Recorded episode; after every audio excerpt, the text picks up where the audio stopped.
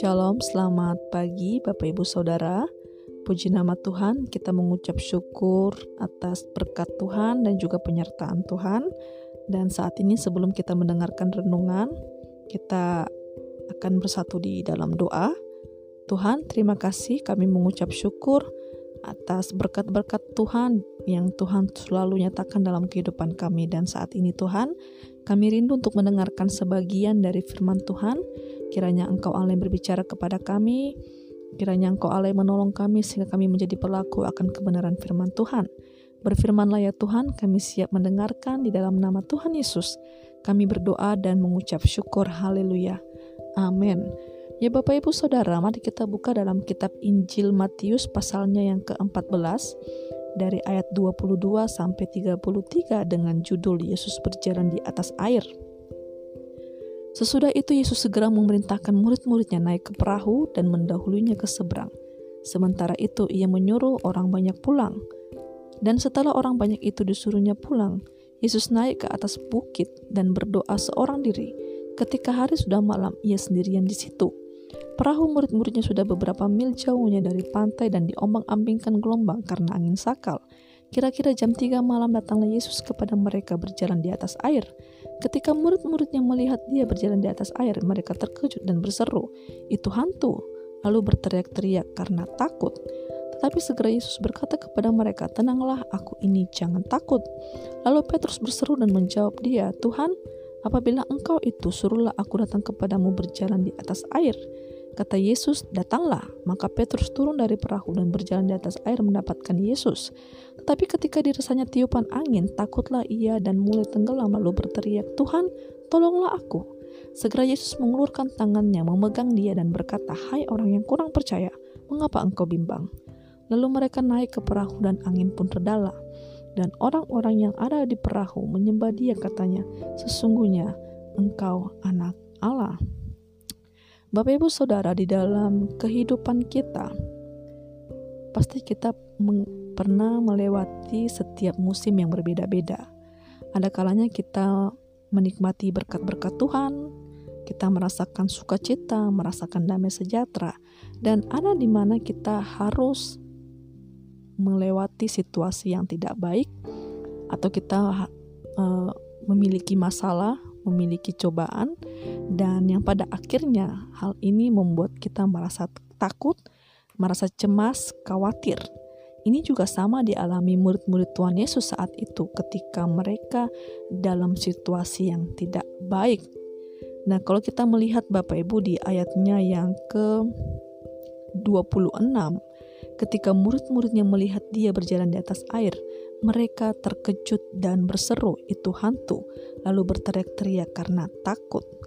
Nah, Bapak Ibu Saudara, ketika murid-muridnya sedang dalam situasi bahaya, sedang mengalami yang namanya masalah ya, oleh karena mereka ketakutan, mereka sudah diombang-ambingkan oleh karena angin sakal, ditambah lagi mereka melihat bahwa ada seseorang yang berjalan di sana dan mereka mengira hantu. Kita melihat dari respon murid-muridnya yaitu mereka berteriak. Mereka berteriak karena ketakutan Bapak Ibu Saudara. Dan dari ayat ini kita bisa melihat bagaimana murid-murid Tuhan Yesus saat itu lebih besar kekhawatiran mereka, lebih besar ketakutan mereka dibanding dengan mempercayai bahwa ada Tuhan bersama dengan mereka. Nah, Bapak Ibu Saudara, di dalam kehidupan kita, ketika kita ada masalah, ketika kita mengalami suatu cobaan, beban yang ada dalam kehidupan kita, bagaimana respon kita terhadap masalah tersebut? Apakah kita tetap mengucap syukur kepada Tuhan, atau justru kita sama seperti murid-murid Tuhan Yesus saat itu? kita justru berteriak-teriak.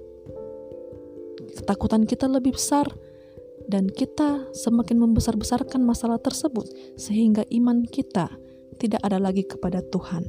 Di ayatnya yang ke-27 Bapak Ibu kita melihat dikatakan bahwa Yesus berkata kepada mereka, "Tenanglah, aku ini, jangan takut."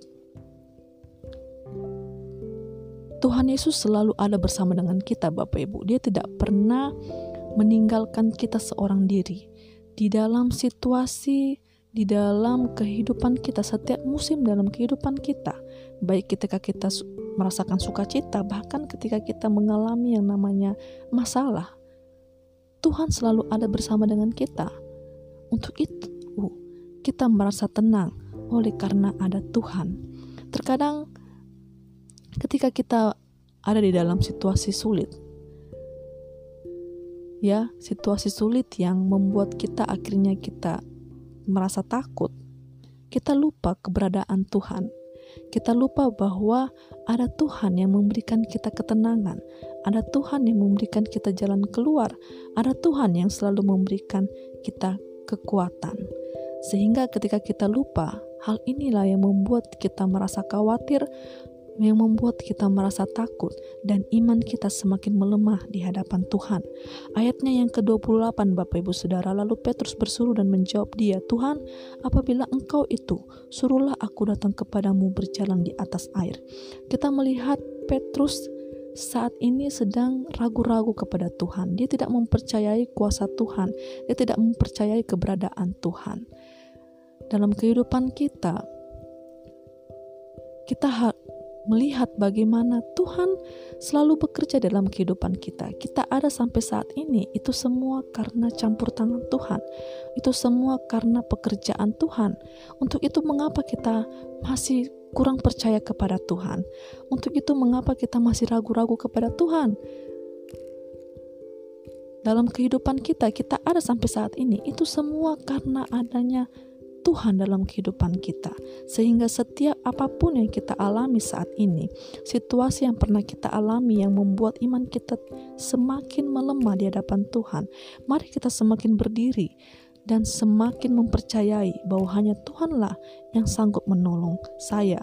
Di ayatnya yang ke-29 kata Yesus, "Datanglah." Maka Petrus turun dari perahu dan berjalan di atas air mendapatkan Yesus. Ketika kita berseru kepada Tuhan, Tuhan tidak pernah membiarkan kita. Tuhan tidak pernah menutup tangannya atau menolak kita ketika kita berseru kepadanya. Tuhan selalu mengatakan pada kita, "Datanglah kepadaku." Ya sama yang seperti dialami Petrus. Ketika Petrus berseru, Yesus mengatakan, "Datanglah kepadaku." Mari Bapak Ibu, ketika dalam kehidupan kita, mari kita terus menyerahkan kehidupan kita kepada Tuhan. Kita serahkan segala sesuatunya, oleh karena Tuhanlah yang menciptakan kita dan menciptakan segala sesuatunya. Untuk itu, jangan kita berpikir bahwa sepertinya Tuhan tidak ingin menolong saya, sepertinya Tuhan tidak ingin ada bersama dengan saya ketika saya mengalami situasi yang tidak baik. Di ayatnya yang ke-29, datanglah. Datanglah, mari kita datang kepada Tuhan, membawa setiap beban-beban apa yang kita alami saat itu. Dan ayatnya yang ke-30, tetapi ketika dirasanya tiupan angin, takutlah ia dan mulut tenggelam, lalu berteriak, Tuhan, tolonglah aku. Dalam perjalanan iman, Bapak Ibu Saudara, dalam perjalanan kehidupan kita, ketika kita merasakan bahwa masalah saya ini lebih berat sepertinya, bahwa masalah saya ini sepertinya lebih besar, masalah saya ini sepertinya tidak bisa diselesaikan dengan siapa pun. Ingat bahwa kuasa Tuhan lebih besar dari masalah masalah apa pun yang kita hadapi, Bapak Ibu. Kuasa Tuhan, pertolongan Tuhan dan kedaulatan Tuhan lebih besar dari masalah, lebih besar dari cobaan yang kita alami, lebih besar dari beban-beban yang ada dalam kehidupan kita. Untuk itu, mengapa kita masih meragukan Tuhan? Tuhan kita lebih besar, Bapak Ibu. Tuhan kita lebih dari segalanya. Untuk itu, kita mari percaya kepada Tuhan. Dan di ayatnya yang ke-30, Ayatnya, maaf, ayatnya yang ke-31, segera Yesus mengulurkan tangannya, memegang dia dan berkata, Hai orang yang kurang percaya, mengapa engkau bimbang? Mari Bapak Ibu kita terus mempercayai kuasa Tuhan. Situasi apa pun, kekhawatiran apa pun, ketakutan apa pun tidak akan menghalangi kita untuk kita mempercayai Tuhan. Dalam kehidupan kita, Mari kita mengingat setiap kebaikan-kebaikan Tuhan yang tidak pernah habisnya Tuhan nyatakan dalam kehidupan kita. Kita belajar dari setiap kehidupan kita yang pernah kita lalui, dan ketika ada masalah, mari mengambil komitmen bahwa masalah saya tidak seberapanya dibandingkan dengan kuasa Tuhan, sehingga Tuhan pasti akan menolong saya. Tuhan pasti akan uh, menyatakan keadilan dalam kehidupan saya. Lalu di ayatnya yang terakhir dan orang-orang eh, maaf ayatnya yang ke-32 lalu mereka naik perahu dan angin pun redahlah. Ketika Yesus berada di dalam kehidupan kita, kita mempercayai Dia, kita mengundang Dia dalam kehidupan kita maka beban-beban yang ada dalam kehidupan kita, masalah-masalah, ketakutan, kecemasan, itu akan segera dihapuskan oleh karena Tuhan ada bersama dengan kita Bapak Ibu.